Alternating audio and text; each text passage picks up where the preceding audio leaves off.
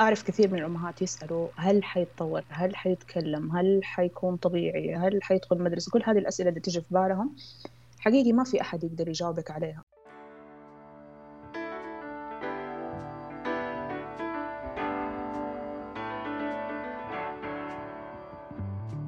أنا بسمة باحمد أهلا بيكم في بودكاست مظلة. بودكاست أناقش فيه مواضيع متعلقة باضطرابات التواصل مشاكل النطق واللغة بالإضافة لمواضيع عن التنشئة اللغوية الصحيحة. لا تنسوا تعملوا سبسكرايب وفولو للبودكاست. حيجيكم تنبيه أول ما تنزل حلقة جديدة وتشاركوا الحلقات مع اللي تعرفوهم. هذه الحلقة بعنوان قالوا عن التوحد.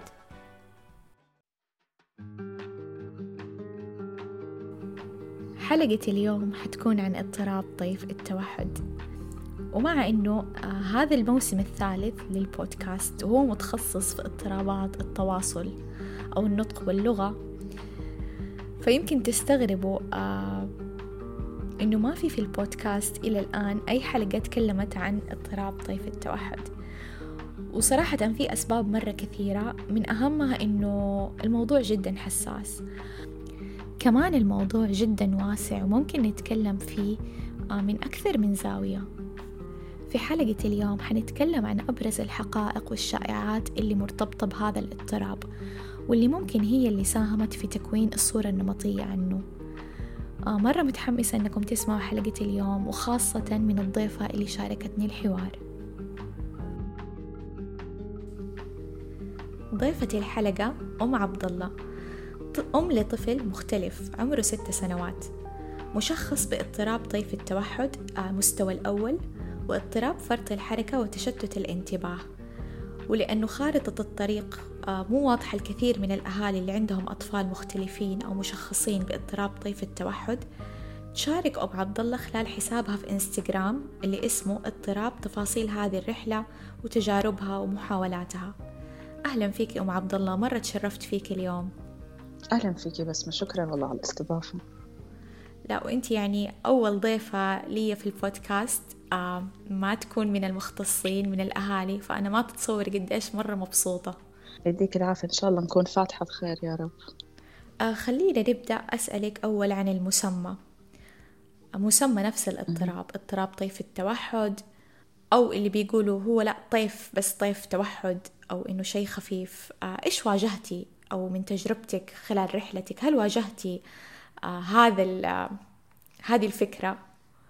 أم أيوه لاحظت إنه يعني من بداية بحثي حتى وكلامي مع الأمهات لما كنت شاكة في حالة ولدي إنه المسمى ما هو موحد فكل أحد يطلق عليه يعني مسمى بطريقته. فناس تقول لك توحد لا خفيف أنا لا توحد شديد لا هو اسبرجر لا هو توحد بس عالي الأداء. ففي مصطلحات كذا كانت مرة مرة تشتتني. وكنت أحاول أفهم طب هو في الأخير إيش عشان أقدر أساعد نفسي وأساعد ولدي لما نتناقش مع الدكتور إنه نفهم الحالة أكثر. فالمرجع اللي يعني حقيقي أفادني اللي هو الدليل النمائي التشخيص الحديث اللي هو يسموه DSM 5 وحقيقي كان جدا واضح في طريقة شرحه للحالة بتفاصيلها متى يتشخص ومتى ما يتشخص أو يعني ينطبق على التشخيص أو لا. وكنت بحاول أدور على يعني سبب هذا اللغط. طب يعني إذا الدليل واضح ليش في هذا اللغط على المسمى من من الأساس؟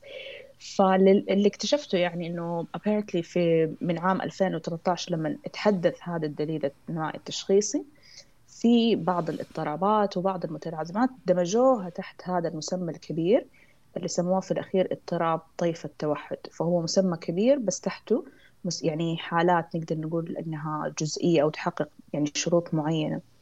فالناس لسه ما بين المسمى القديم اللي هي حالات منفصلة وبين الحالة المسمى الجديد اللي هو لا خلاص اسمه اضطراب طيف التوحد. يعني من كمان الأشياء اللي كانت شوية تزعلني لما أقابل مختصين حتى يعني يل يعني يعطوا هذا الوصف القديم على حالة تكون جديدة. بس الحمد لله يعني نقدر نقول إنه دحين الوعي صار أكثر وأوضح. وإن شاء الله يعني كلهم يعني يلتزموا بهذا المسمى بدرجاته الثلاثة زي ما أنت قلتي البسيط متوسط وشديد. وأعطوا هذه المسميات بناء على نسبة التدخل اللي يحتاجها الطفل. وأجين يعني ما هي ما هي مسميات يعني بسيط آه، ومتوسط وشديد خلاص أبيض وأسود. لا في حالات ما بين البسيط وبين المتوسط بس إنها هي مسمى عشان الأهل يكونوا عارفين قد إيش يحتاج طفلهم آه، جلسات أو قد إيش يحتاج تأهيل.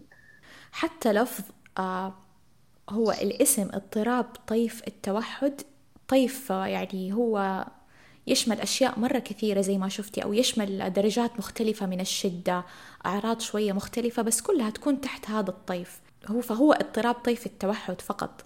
فلما نسمع مرات إنه لا هو يمكن يمكن طيف توحد يعني شيء خفيف مرة بس هو يظل اضطراب طيف التوحد. يمكن هذا كلمة طيف توحد آه، تدخل الناس أو المستمع في فكرة إنه طيف يعني شيء مرة خفيف حيروح. صحيح. آه ما أعرف إذا حسيتي بهذا الشيء. إيه ويعني للآن يعني بواجه مع حديثي مع الأمهات ده الموضوع. إنه طب حيتشافى طب جربي آه، يعني من الوصفات الشعبية والتجارب المختلفة إنه لا هذا الشيء حيشفيه تماما من هذا الاضطراب اللي هو التوحد.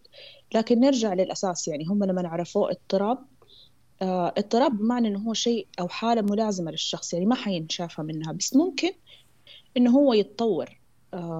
من من آه، من بداية تشخيصه إلى يعني يعني مختلف مراحل حياته. لكن هل يختفي أو هو يتشافى؟ لا.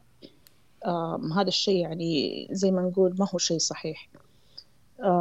وصحيح إنه حتى السي دي سي اللي هم مركز السيطرة على الأمراض والوقاية منها يقولوا إنه التشخيص مهم يتعاد كل سنتين.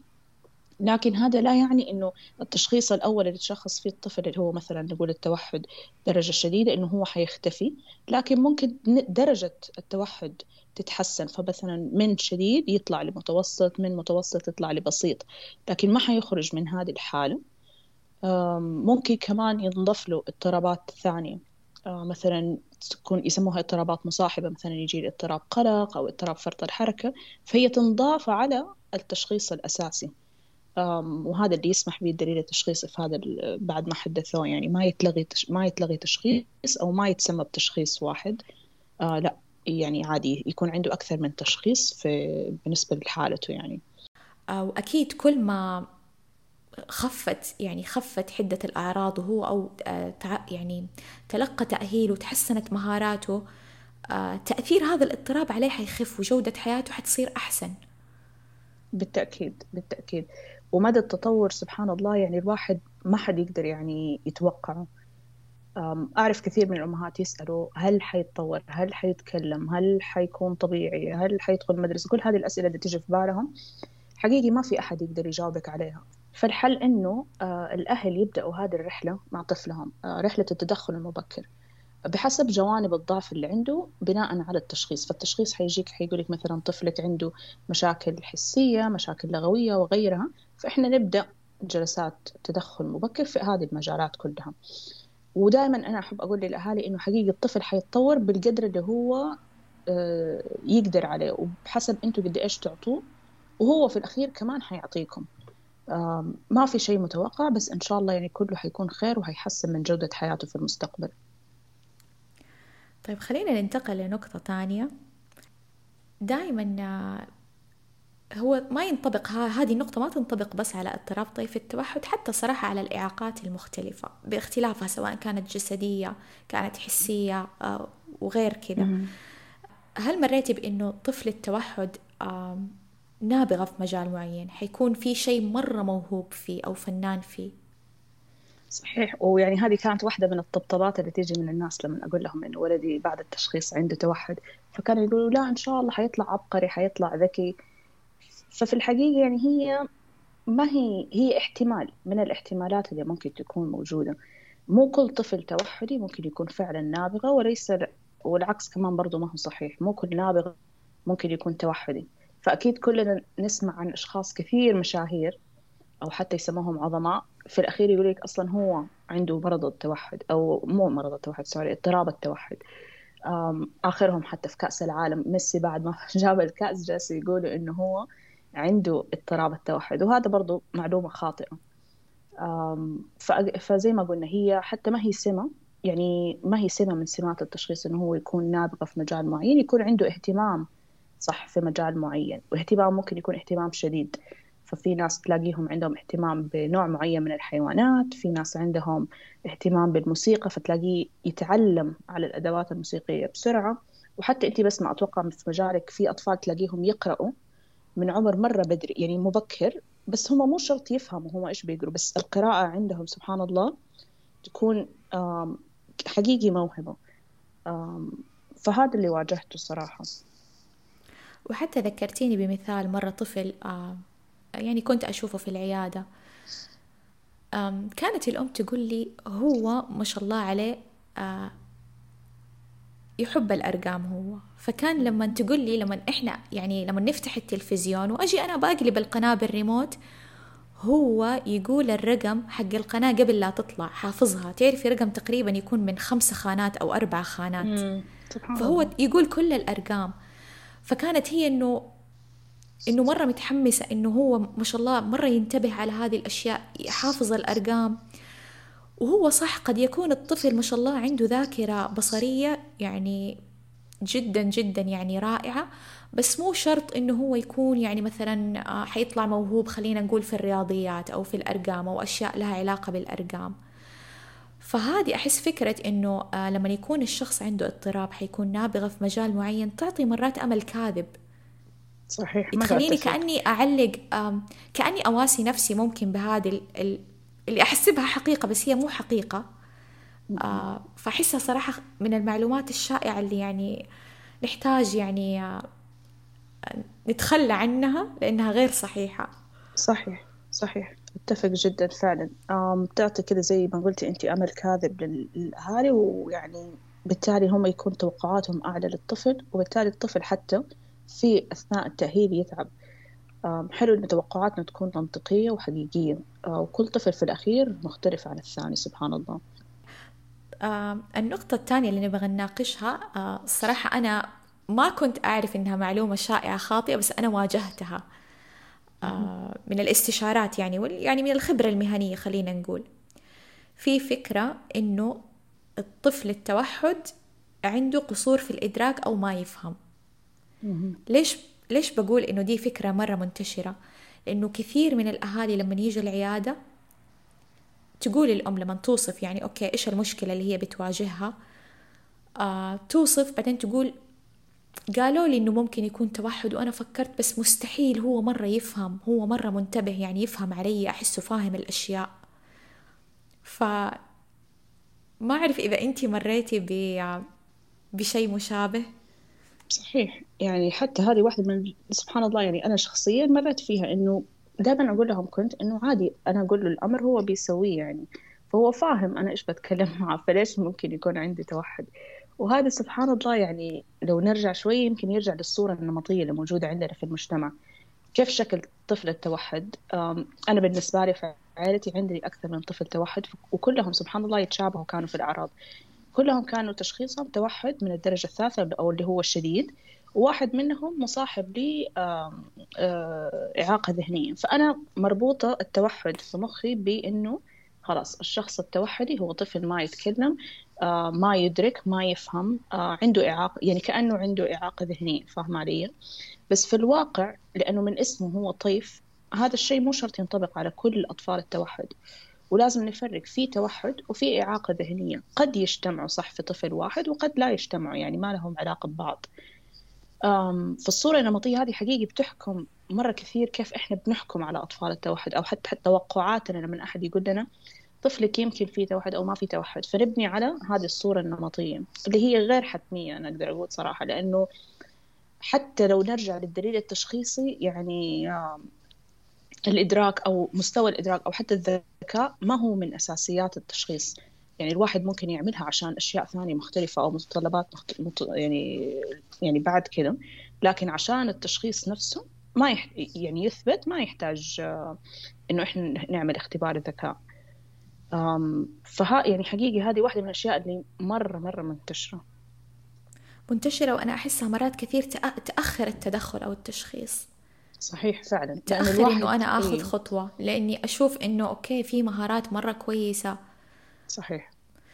وكمان شيء ثاني يعني في الأبحاث يعني الحديثة الآن يعني اللي تقريبا بعد الألفين اللي قبل الألفين كانت النسب مختلفة بس بعد الألفين آه، لما يقيسوا ال IQ أو مستوى الذكاء للأطفال اللي عندهم اضطراب طيف التوحد فتقريبا كثير من الأبحاث النسب متقاربة فهم تقريبا من 50 ل 40% من الأطفال آه، آه، يعني إدراكهم وذكائهم طبيعي جدا ضمن الحدود الطبيعية. يجينا النسبة المتبقية في منهم حيكون أعلى من الطبيعي وفي نسبة حيكون منهم أقل وفي نسبة منهم حيكون لم يعني أصلا ما نقدر نقيسه بسبب مثلا إذا كانت توجد مثلا أعراض حسية مرة قوية كيف راح نقيس صحيح. أصلا؟ آه كيف حنقدر نقيس؟ يمكن هو ما تعلم بسبب هذه الأعراض اللي موجودة. آه لو تحسن فيها ممكن عملية التعلم تكون مرة أحسن أو مرة أفضل بالنسبة له. فعلا. ف...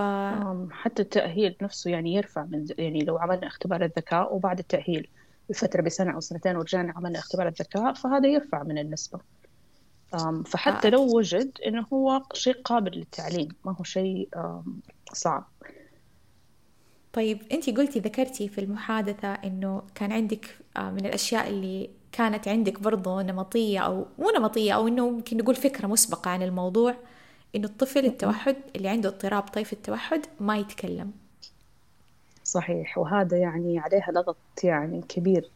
في حين إنه الدليل التشخيصي ما يتعرض أبدا لموضوع النطق بس كانوا بيتكلموا على موضوع اللي هي يسموها non verbal أو هي التواصل الغير آه، لفظي.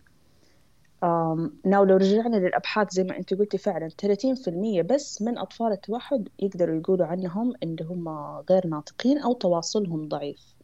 بس بقية يعني السبعين في المية الباقيين ممكن يكونوا غير ناطقين في فترة من حياتهم وممكن يتعلموا النطق أو ممكن يكونوا ناطقين بشكل جدا طبيعي. وهذا يعني أنا صح طفلي كان عنده تأخر في النطق لكن الحمد لله حاليا ناطق. صح في مشاكل لغوية لسه بنشتغل عليها لكنه يعتبر ناطق ويقدر يعبر عن احتياجاته.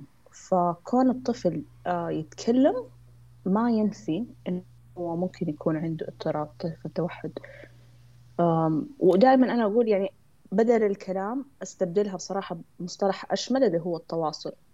يعني الطفل أهم شيء يعرف يتواصل. فاهم علي؟ مو شرط يتواصل بطريقة لفظية إنه هو يتكلم ممكن يتواصل بأي وسيلة بديلة. ويعني الحمد لله العلم بيتطور كل فترة وفترة. نقدر نستخدم آيباد نستخدم صور نقدر نستخدم أي وسيلة ثانية بحيث الطفل يقدر يعبر عن مشاعره عن طلباته. بطريقة يعني حتى لو كانت مختلفة. أكيد يعني كل إنسان يحتاج إنه يعبر أو يعني مهما كان حتى مرات إحنا نشوف الطفل صغير بس آه، أو إنه ممكن نشوف إنه مو مدرك الأشياء كثيرة من حوله بس إلا ما هو يبغى يعبر عن الأشياء اللي هو يفهمها. آه، بالضبط. أو يبغى أحد يعطيه مساحة أو زي ما نقول نافذة إحنا إنه كذا تقدر تعبر يعني يوريه هذا الشيء. إذا تحب بس أضيف نقطة بسمة آه إنه عدم التعبير أو إنه إحنا ما نديه فرصة إنه هو يتواصل يعني هذا يزيد صراحة من المشاكل اللي موجودة أوريدي فمثلا لو طفل عنده مشاكل مشاكل حسية بس هو مو عارف يتواصل معنا لا بصورة لا بكلمة لا بإشارة ما حي... إحنا ما حنفهم. هو ليه قاعد دحين فجأة دخل في نوبة البكاء هذه؟ أو ليش حاليا هو معصب أو متوتر؟ فمرة مهم إنه إحنا آه، نركز على التواصل حتى لو كان غير لفظي. كجزء أساسي صراحة في التأهيل. أيوه وموضوع هذا الكلام حتى المختصين لما يجوا يعني يشوفوا السمات الموجودة أو عند يعني في عملية التشخيص نفسها إحنا ننظر لاستخدام اللغة الاجتماعي أكثر من إنه هو يتكلم أو ما يتكلم. فعلا. فإذا هو يتكلم أو يقول كلمات فراح نشوف هو كيف يستخدمها. آه هل يستخدمها مثلا للطلب؟ هل يستخدمها للرفض؟ آه أو لا أوكي هو يتكلم بس عشان كذا كثير من الأهالي لما يجوا إنه طيب بس هو يتكلم بس لسه حاسين إنه أوكي بس في مشكلة هو ما يستخدم هو ما نحسه مرة معانا. فاهتمامه في إنه هو يستخدم الكلام معانا يمكن أقل يمكن هو بالعكس يقول مثلا كثير يعني يقولوا لك يعني يقول الأحرف الأرقام يغني الأغاني. صحيح صحيح. آه فهي المقياس مو إنه يتكلم أو ما يتكلم. طبعا هو إنه الطفل يعني اللي عنده اضطراب طيف التوحد ما يتكلم هذه معلومة خاطئة زي ما إحنا شرحنا في البداية. بس هو الأكثر التركيز على كيف أنا أستخدم هذه اللغة إذا كنت ناطق يعني أتكلم في نطاق اجتماعي. إذا كان الطفل برضه ما يتكلم حتى نقدر نقيسها في زي ما قلتي انت التواصل الغير لفظي. طيب آه حقول هذه الجملة وبشوف رأيك فيها. أن طفل التوحد ما عنده مشاعر أو ما يحس. يعني صراحة شوية العبارة تعور القلب. آه بالعكس يعني برضو هذه معلومة خاطئة. يعني سبحان الله طفل التوحد عنده مشاعر بس زي ما قلنا في النقطة اللي قبل يمكن هو عنده مشكلة في التواصل بحيث مو قادر يعبر عنها. لكن هذه مشاعرهم سبحان الله تكون أحيانا يا طاغية جدا فيكونوا حساسين جدا لأي شيء في محيطهم أو سبحان الله يكون عندهم خلل في تنظيم المشاعر بالتالي إن هم مو عارفين يعني يعبروا عنها. فتلاقي كثير منهم بالذات اللي عندهم مشاكل حسية فجأة يدخلوا زي ما قلنا في نوبات بكاء طب ليش بيبكي؟ أكيد في شيء في البيئة المحيطة حوالينه استثار هذه المشاعر جوته. أحيانا كمان مو عارف حتى إيش يوصل أو يعني مسمى هذا الشعور جوا قلبه. فهو ممكن يكون غضبان ممكن يكون متضايق بس مو قادر آه، يعرف هذا الشعور جوا نفسه بالتالي مو قادر يوصله حتى لو كان يتكلم وناطق. ففهم المشاعر هذا يمكن يكون فيه خلل بس مو ما عنده مشاعر ما ينفيها يعني ينفي وجود الشعور أساسا جوته مرة مهمة هذه النقطة عشان حتى كثير من الأفراد أو الأسر اللي عندهم طفل يعني مشخص باضطراب طيف التوحد يمكن مرات إذا تواصل الطفل معانا ضعيف آه، بالذات الأم أو الأب يمكن يتساءلوا إنه يحبني هل يعني هل هو حاسس؟ فيعني تأكدوا مية في المية إنه هو حاسس بس طريقة التعبير يمكن ما هو لسه ما يعرف يعبر عن هذا الشعور بس المشاعر هم عادي يحسوا فيها. هو هذه النقطة المهمة اللي نحن. نبغى نقولها. وأتوقع يعني سبب من الأسباب اللي خلت فيه لغط إنه أوكي هو ما يحس لأنه إحنا من جد بنشوف إنه في مشكلة يمكن في التعبير عن المشاعر أو حتى مو بس في التعبير عنها في فهم المشاعر في نطاق اجتماعي. وإني أنا صحيح. أسوي ردة فعل مناسبة. فمرات ممكن هذه الصورة حس تخلي الناس آه، أو جابت وصلت هذه الفكرة إنه أوكي هو ما يحس. فعلى سبيل المثال ممكن يكون في مكان اجتماعي بس هذا الطفل لأنه شوية عندهم صعوبة في فهم المعاني المجردة. آه، فهم ياخذوا الأشياء زي ما هي يعني نمطي يعني بالصورة اللي هي موجودة فيها زي ما هي موجودة.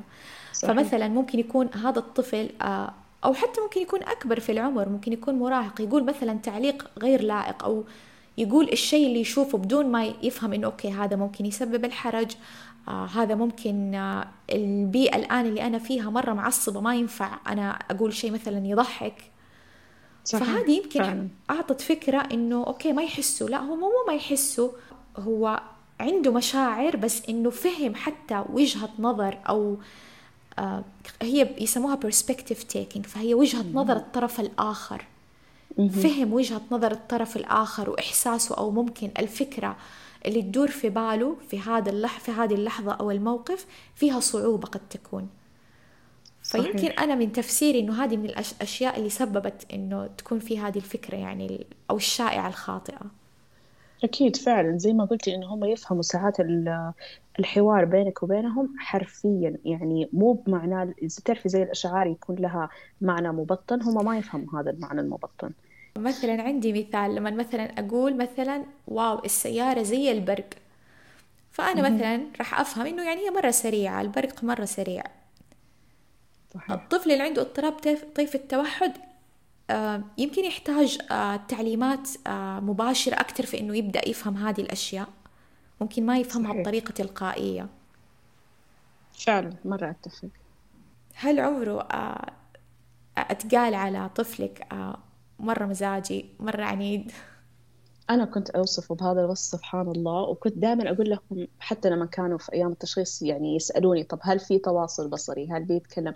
أقول لهم إيوه في بس بمزاجه يعني هو أيام يبغى أيام ما يبغى. لكن صراحة هي ما هي مزاجية قد ما هو إنه ساعات اهتماماته تكون مختلفة أو محصورة في أشياء معينة. ففي أغلب يعني أطفال التوحد أو اللي عندهم اضطراب طيف التوحد يهتموا بالأشياء أكثر من الأشخاص. فلو دخلنا على مكان مثلا أم أم في له جلسة عائلية فمثلا ما حيطالع على جده وجدته حيطالع على مثلا إيش محطوط على الطاولة كيكة بالونة وحيلتفت لها وحيجري عليها. وهذا شيء يعني جزء برضه من يعني أو سمة من سمات التشخيص إنه هو إيش يسموها؟ اللي هي مشاكل في التواصل الاجتماعي بشكل عام يعني واهتماماته هذه اللي تكون نمطية بأشياء محددة. الصراحة أنا هذا أكثر وصف يجيني من الأهل لما يوصفوا حتى لما هم لسه ما هو مع الطفل غير مشخص هو مرة مزاجي. وصراحة هو أنا يعني آه أتفهم مرة أتفهم آه ليش قالوا مزاجي لأنه إذا إحنا ما إحنا عارفين ليش بيسوي كذا فأنا ما عندي أصلا أي شيء أوصفه فيه غير المزاجية. ليش؟ لأنه زي ما قلتي أنت المثال اللي قلتي عليه. في ذا الموقف مثلا هو راح التفت على الأشياء فممكن جده يقول له تعال أهلا أهلا مثلا هو ما ما رد عليه ولا كأنه موجود فهو التفت على الأشياء الموجودة. بس في موقف ثاني مثلا ما في مثيرات حسية أو كذا فأنت ناديتي فهو عادي التفت وراح. فعلا فعلا. فهنا هذا الشيء مرة مربك. طب هو مرات آه يستجيب. بس مرات ما يستجيب. فأقرب شيء إحنا ممكن نوصفه ليه إنه مزاجي. هي ما هي فكرة شائعة على قد ما إنه أنا أشوف هذه النقطة إنه هو وصف دائما يطلق على الأطفال يعني. آه بالذات قبل مرحلة التشخيص أو قبل ما نفهم هم إيش يمروا فيه. قد يكون عنده آه انتباه مشترك بس ممكن الانتباه المشترك مو زي المتوقع في عمره. فهو مثلا متوسط أو ضعيف. فأيوه هو مرات حيعطيكي ردة فعل حسب مهارته اللي موجودة عنده والمرات الثانية ما راح يعطي ردة فعل وما راح يلتفت. فعشان كذا أو ما راح يستجيب للتوجيه أو ما راح أنا حنقول إحنا ما راح ما سمعني ما سمع كلامي. فعشان كذا كثير نسمع لفظة إنه آه، مزاجي أو عنيد. وهو في الحقيقة هو المهارات اللي عنده واستخدامها بطريقة اجتماعية هي اللي خلت ردات الفعل تكون بهذه الطريقة. فعلا. آه، أي نقاط حابة تختمي فيها؟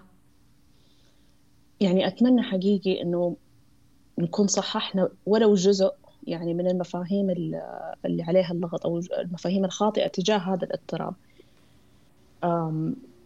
يمكن لو صلحنا ولو هذا الجزء البسيط يصير في نظرة شوية إيجابية أو نصحح شوية من الصورة النمطية اللي موجودة في المجتمع. ما أبغى يعني أخفي صعوبة الرحلة ويعني تحدياتها لكن هي في الأخير سبحان الله رحلة نقدر نخوضها في الأخير ونقدر يعني نلاقي نجاحات فيها حتى لو كانت هذه النجاحات بسيطة. كمان شيء مهم أحس يعني من تجربتي مع الجهات والأخصائيين إنه يعطوا الأهل مساحة ويشرحوا لهم حقيقي عن الحالة حتى لو كانت بمصطلحات علمية. ويحاولوا يكسبوا ثقة الأهالي. ما يعني ما يعني زي ما يقولوا يعني ما نستهين بفهمهم أو يعني خلفياتهم سواء الاجتماعية أو حتى التعليمية. مهم إنه حقيقي الأهالي يفهموا طبيعة الاضطراب بحيث إنه حتى هم يقدروا يرجعوا للمصادر الموثوقة ويبحثوا عنها ويستزيدوا أكثر. ما نرجع لحسابات طبعا تويتر أو إنستغرام عشان نوصل للمعلومة الصحيحة لازم نوصل للمصادر العلمية الصحيحة اللي هي منها السي دي سي اللي هي مركز الوقاية من الأمراض أو حتى المصادر اللي هي الأبحاث أو نسمع من الطبيب نفسه. آه، لكن آه، مهم إنه إحنا نختار مصادرنا بعناية.